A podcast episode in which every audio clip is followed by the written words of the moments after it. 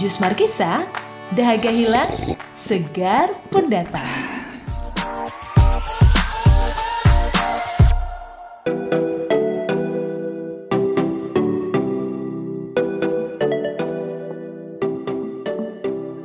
Hai Juicers, ketemu lagi di Jus Markisa. Mari kita syalalalala. Kali ini saya Susan Wibowo akan menemanimu bersama dengan dua teman baik saya, Andros dan juga Mas Nowo.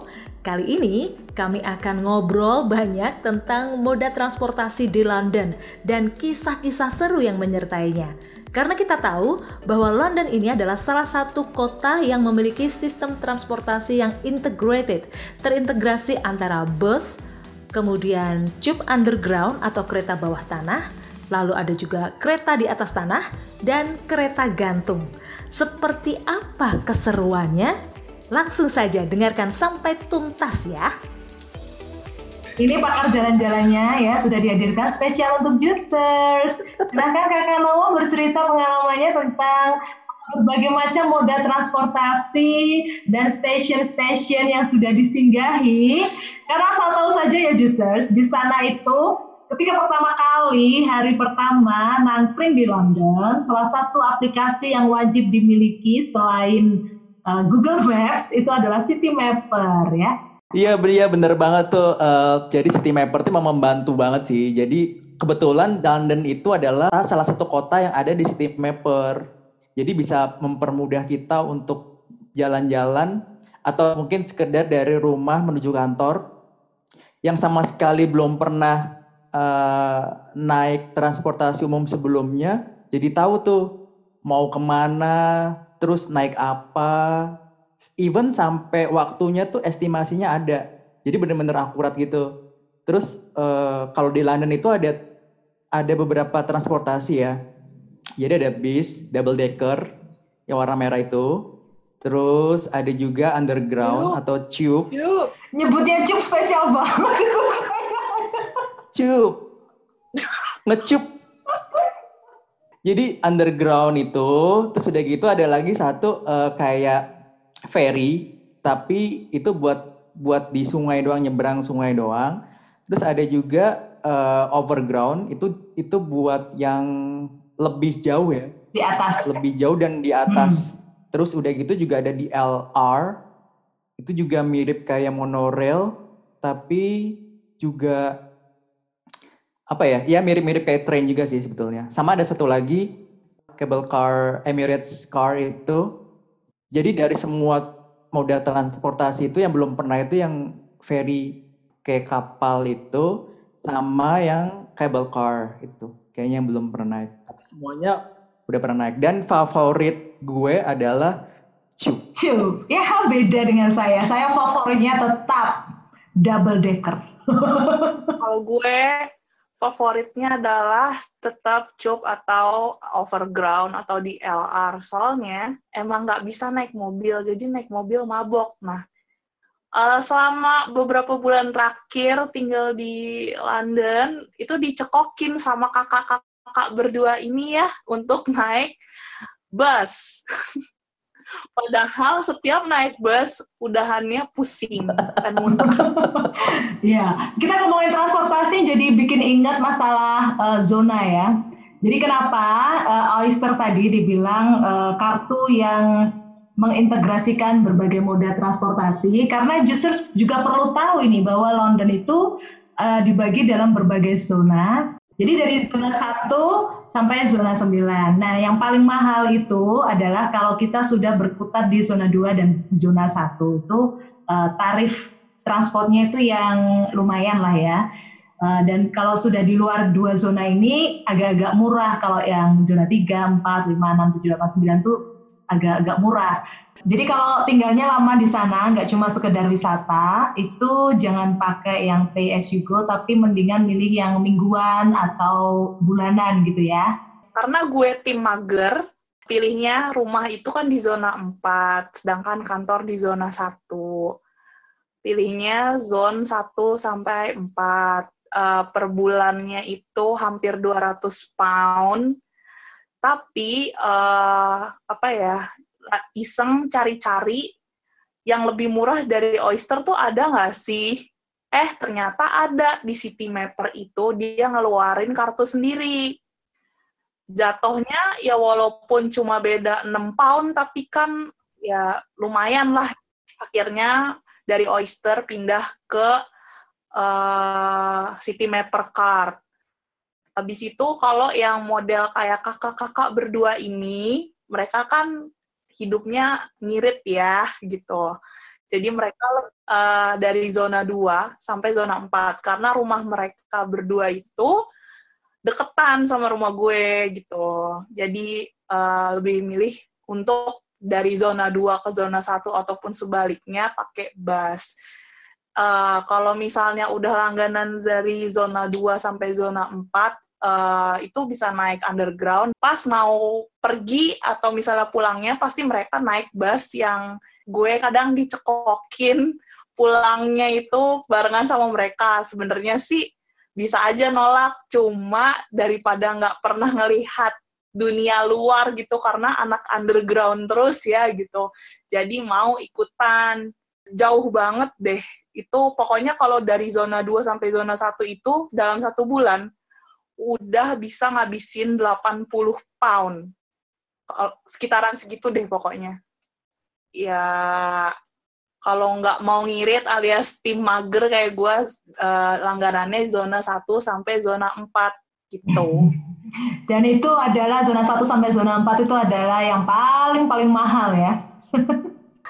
Dan yang patut dicatat ini ya, keuntungan dari langganan Oyster itu tadi kalau yang zona 2 sampai 4 itu itu naik undergroundnya sudah jelas dari mana ke mana gitu ya. Tapi kalau naik bis itu mau naik turun berapa kali, mau tersesat di mana-mana pun itu uh, tidak mengeluarkan biaya sedikit pun ya, alias gratis. Itu sebabnya saya paling suka ngefans banget sama double decker karena saya hobinya tersesat. Oh iya, gue juga mau cerita soal yang cup cup. Ya, oke. Okay. Nggak, jadi kenapa gue juga suka cup itu karena ada 11 line yang berbeda di cup itu. Dan setiap line-nya itu ciri punya ciri khas masing-masing, even di tempat duduknya. Jadi ada ada Bakerloo, ada Central Line, ada Circle Line, ada District, ada Hammersmith, ada Jubilee, Metropolitan, Northern Line. Semuanya udah pernah sih dicobain. Akhirnya selama enam bulan di sana semua lainnya. Congratulations. Terus yang paling disuka. Congratulations. Sebelas lain udah dicoba, luar biasa, keren. Berapa ratus stasiun itu yang sudah disinggahi? Tapi ditanya dong, mana lain yang paling suka? Pasti yang ada namanya nih. Mana kakak lain yang paling disuka dari sebelas lain tersebut yang saya nggak bisa membedakan antara warna hijau dan coklat atau abu-abu itu ya? Kalau favorit gue itu uh, Victoria Line. Soalnya dia paling uh, ngebut, paling cepet. Dia dia bisa setiap dia setiap satu stasiun itu biasanya kan uh, dua menit sampai tiga menit. Kalau si Victoria Line itu cuma satu menit mbak setiap stasiun uh, durasinya iya. Jadi kalau misalnya kayak kita nih Northern Line dari apa namanya zona 4 ke City itu kan naiknya Northern Line. Itu rata-rata saat setiap stasiun itu 3 2 eh, sampai 3 menit, Mbak. Tapi kalau kalau Victoria Line itu cuma semenit. Iya, karena dia juga lebih banyak, Mbak, yang naik. Jadi istilahnya demand-nya juga lebih tinggi, makanya mungkin dibuatnya lebih cepat, Mbak karena dia kan juga khusus yang buat di sentralnya gitu, Mbak. Northern Line itu suka ngetem, jadi lama. itu kalau malam doang terus. Hmm. Enggak, pagi juga pernah kok. Ya, jadi justru harus kita kasih gambaran ya. Seperti apa sih Cup Underground, Northern Line, atau Victoria Line yang diceritain ini? Itu uh, dari stasiun ke stasiun itu pasti berhenti ya untuk memberi kesempatan para penumpang masuk atau turun. Dan biasanya berhentinya itu ada durasinya sekitar dua menit ya kayaknya ya. Satu menit mbak. Satu menit. Satu menit. Iya, jadi hari pertama di sana saya pernah kecepit itu.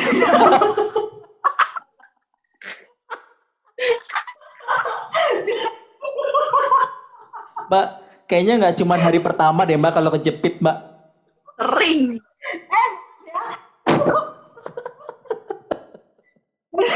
Jadi kalau saya kejepit, kalau beliaunya ini tertinggal ya, maaf. ya. Jadi masih mending yang masih mending yang terjepit daripada yang tertinggal entah di mana. Tinggal kan untuk untuk memberikan orang lain masuk, Mbak. Jadi kan jadi orang Indonesia di mana-mana jadi pahlawan ya. Mau ninggalin. ya itu jadi justru harus hati-hati karena ini berhentinya itu sekitar satu menit. Sehingga kalau pintunya udah nutup sendiri gitu mendingan niat urungkan niat ya kalau mau memakai karena karena untuk-untukan ya untuk-untukan kalau situasi normal ya sangat padat gitu ya sangat padat. Meskipun kalau di sana juga ada itunya sih ada kayak semacam etikanya gitu ya untuk perempuan untuk lansia untuk yang bawa anak itu uh, apa pasti diberi space atau privilege khusus ya untuk mendahulukan mereka. Bahkan di bis pun kayak gitu ya. Oh iya sekalian ini. Jadi di sana lansia-lansia itu atau yang memakai kursi roda atau bayi-bayi yang pakai stroller itu nggak usah khawatir. Makanya saya bilang tadi kayaknya kalau ditinggal di London kayaknya masalah mobil bisa dipikirin belakangan karena transportasi umumnya semuanya bisa menjawab kebutuhan itu. Untuk lansia yang pakai kursi roda juga bisa masuk ke dalam bus, bisa masuk ke dalam kereta juga ya. Terus untuk Mm, orang tua yang ngajak babynya jalan-jalan pakai stroller juga nggak usah khawatir. Meskipun babynya itu ada kembar tiga sekalipun ya tiga pakai stroller semua bisa masuk ke dalam busnya gitu ya. Dengan teknologi hidrolik deh kayaknya. Ya hidrolik. Terus kalau misalnya di di map-map itu suka ditandain mana station-station yang apa bisa buat kursi roda kalau uh, sama yang enggak kadang juga apa namanya di tiap gerbongnya itu suka beda-beda loh.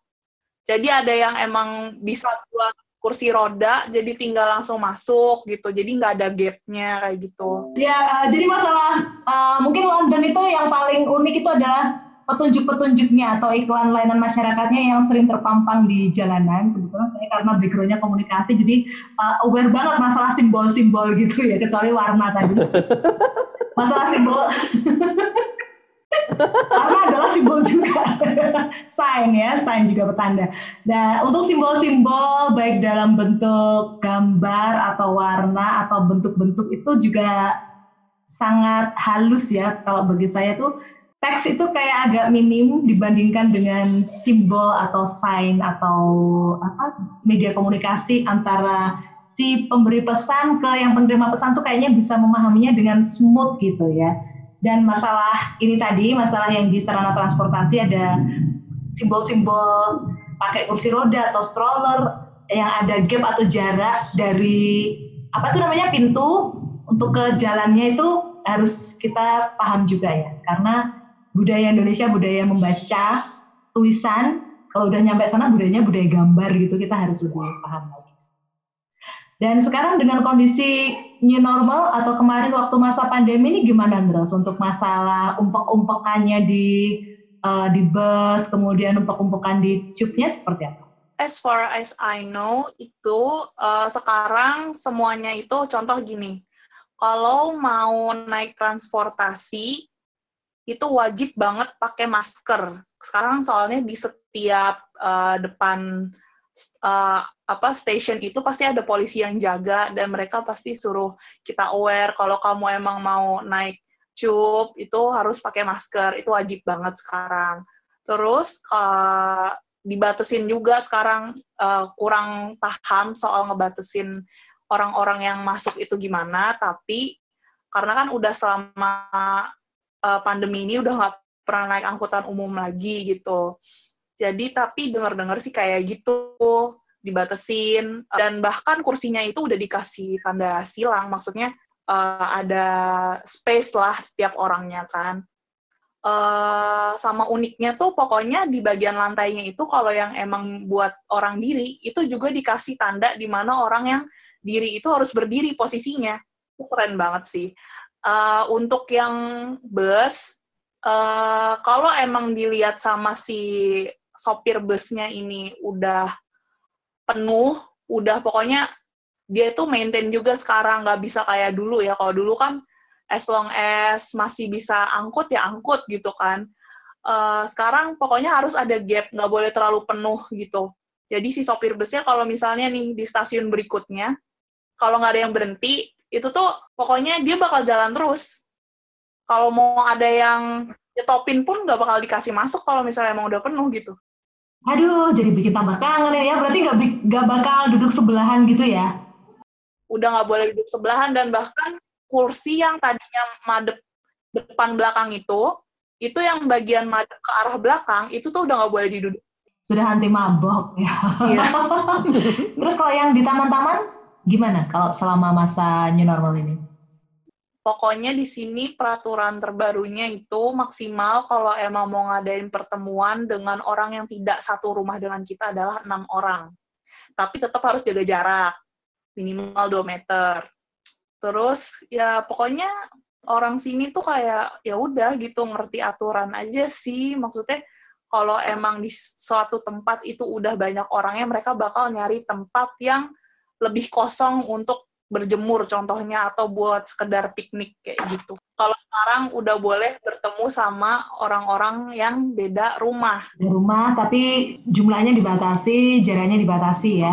Ya maksimal cuma enam orang gitu dan pasti di suatu taman itu ada polisi yang patroli. Patrolinya pakai kuda nggak? Nggak dong.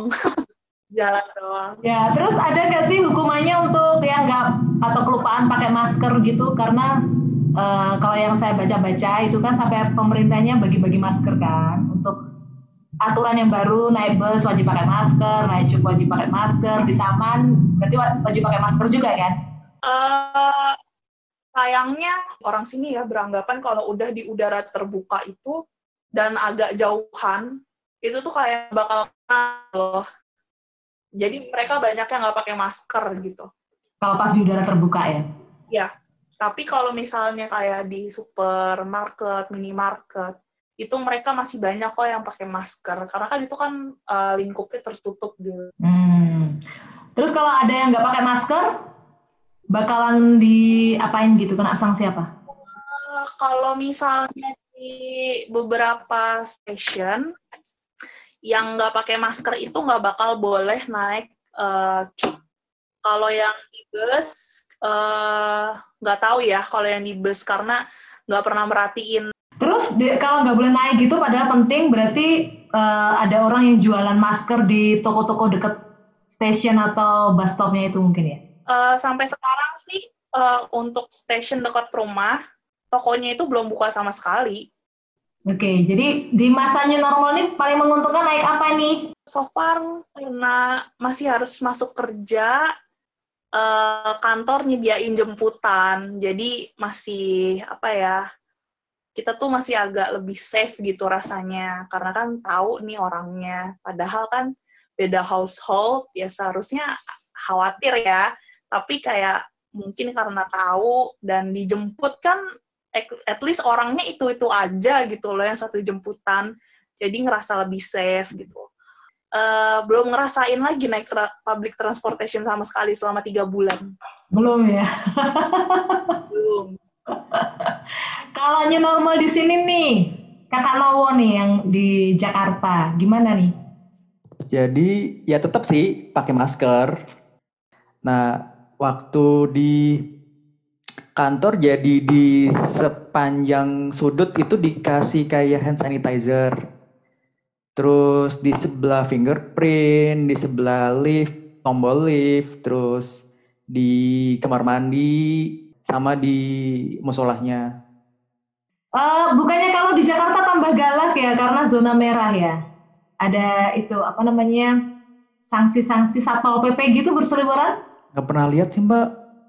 Malahan di setiap jalanan itu udah rame banget. Jadi kayak seakan-akan kayak nggak ada sesuatu yang aneh aja mbak. Jadi kayak segala semacamnya normal. Jadi sampai macet loh mbak jalanan itu mbak. Kaget gitu kayak wah kayak udah macet ya. Jadi walaupun walaupun masuk ke dalam pusat perbelanjaan contohnya kayak masuk ke mall yang ada supermarketnya gitu itu walaupun di luarnya ada orang jaga buat cek suhu, terus suruh cuci tangan, tapi tetap dalamnya rame mbak. Hmm, jadi nggak jaga jarak juga ya? Waktu pas ngantri misalnya ambil susu, ambil ayam, ambil apa gitu di mallnya itu? Kayaknya kayaknya kalau kalau gue kayaknya kesadaran sendiri mbak. Jadi jatuhnya jadi maksudnya kayak ah gue nggak mau nularin atau nggak mau ketularan sama orang. Jadi gue sendiri yang kayak jaga jarak. Tapi untuk orang lain kan berarti ya kesadaran mereka sendiri juga. Walaupun ada protokolnya, jadi ada kayak misalnya pernya itu harus di, diikutin kayak satu arah atau harus satu or apa harus satu arah nggak boleh nggak boleh ada dua orang berpapasan tuh nggak boleh. Tapi kan karena ini baru jadi orang tuh masih belum aware sama itu sama hal-hal protokol kesehatan gitu. Jadi mungkin yang udah yang udah diikutin mungkin masalah cek suhu di depan cuci tangan tapi untuk untuk jaga jarak di dalam satu gedung itu masih belum mbak oke London gimana London sekarang sih uh, di kantor pasti setiap sudut tuh selalu ada hand sanitizer ya. Pas mau masuk juga sama diukur suhu tubuhnya. Terus kalau emang buat tamu-tamu sekarang dicatat gitu loh. Lebih ketat dan karena kerja di perwakilan, konsuler kan rame banget tuh biasanya. Sekarang kalau appointment juga appointmentnya tuh dibatesin banget. Bisa cuma dari 100% bisa cuma 20% doang yang di yang dibolehin gitu loh. Nah, terus uh, karena diminimalisir untuk tidak memegang apa pun, jadi pihak kantor tuh ngasih kayak ada alat gitu kayak bentuknya kayak kunci gitu deh. Jadi itu tuh bisa buat mencet lift, mencet mencet tombol lift, terus kayak buat narik pintu gitu loh. Pokoknya uh, terus di minimarket nggak semua minimarket nggak semua tempat untuk berbelanja itu nyediain hand sanitizer. Cuma emang kayak kalau minimarketnya kecil itu biasanya yang boleh masuk 2 sampai tiga orang tapi kalau kayak Sainsbury alias minimarket yang agak gede yang deket rumah itu maksimum itu kalau nggak salah 10 orang deh tapi kalau sekarang kayaknya udah nggak nggak se-strict itu kayak pokoknya kalau masih longgar ya udah orang boleh masuk kayak gitu. Kalau misalnya kita jadi orang yang ke-11 gitu harus nunggu di depan gitu?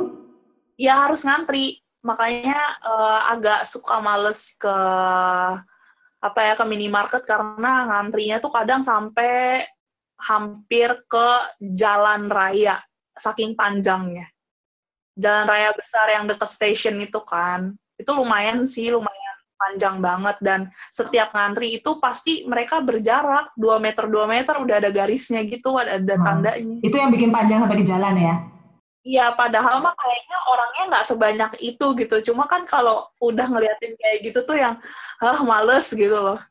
Berapa lama paling lama ngantri di masa kemarin tuh? Uh, pernah sih ngantri sampai 15 menit lah. Itu iya. ternyata yang belanja di dalam kayaknya. Kalau teman saya yang satu ini kayaknya yeah. dia sudah nangkring di dalam lupa keluar.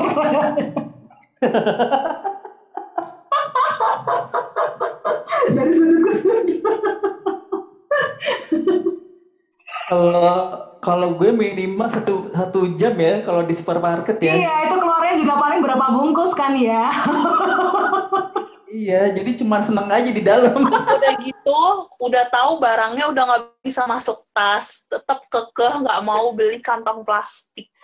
Ya, jadi justers kalau di London jangan lupa ya, itu tasnya di dalam tas ada tas itu adalah prinsip kunci yang wajib kita lakukan. Karena kalau kita mau mampir ke mana-mana, meskipun itu cuma beli susu atau beli pisang atau cuma beli apa roti kecil-kecil, tapi um, kalau nggak bawa tas tuh harus beli ya, harus beli tas. Gimana pengalamannya Mas Nol selaku cowok yang ada di London? Apakah di dalam tas ada tas? kalau gue itu kan, kalau misalnya belanja kan dikit-dikit ya, nggak banyak. Jarang deh kayaknya. Jadi segala sesuatunya masih bisa dimasukin ke dalam tas. Tapi mungkin ada beberapa waktu uh, gue pengen pengen ah banyak belanjanya. Nah baru bawa tas dari rumah. Tapi emang kayak gue mungkin pengkoleksi barang sih ya. Jadi semua plastik ada di rumah kayaknya biasa. Plastik semacam itu yang saya katakan jelek dan ada aroma khasnya itu. Iya. Uh -uh. Luar biasa kan keseruan cerita kami bertiga di episode kali ini mulai dari ngobrolin bus atau double decker, kemudian tube atau underground, bahkan sampai uh, di supermarket ya suasananya seperti apa dan kebiasaan-kebiasaan buruk yang dilakukan oleh teman-teman saya. Oke okay, Juicers, kamu juga bisa kirim komentar ya atau saran untuk kemajuan Jus Markisa ini melalui akun Instagram kami Jus Markisa atau kirim email di jusmarkisa.podcast@gmail.com. Dan Jus Markisa ini juga bisa kamu nikmati melalui kanal YouTube Podcast Jus Markisa. Semoga obrolan kita pada kesempatan hari ini bisa membuat hari-harimu tambah segar dan ceria dan jangan lupa terus bermimpi ya karena siapa tahu suatu saat mimpi itu pasti terwujud. Saya Susan Wibowo pamit. Bye. Oke juicers, gue Nowo pamit dulu. Dadah. Hey juicers, gitu dari gue Andros pamit dulu. Bye.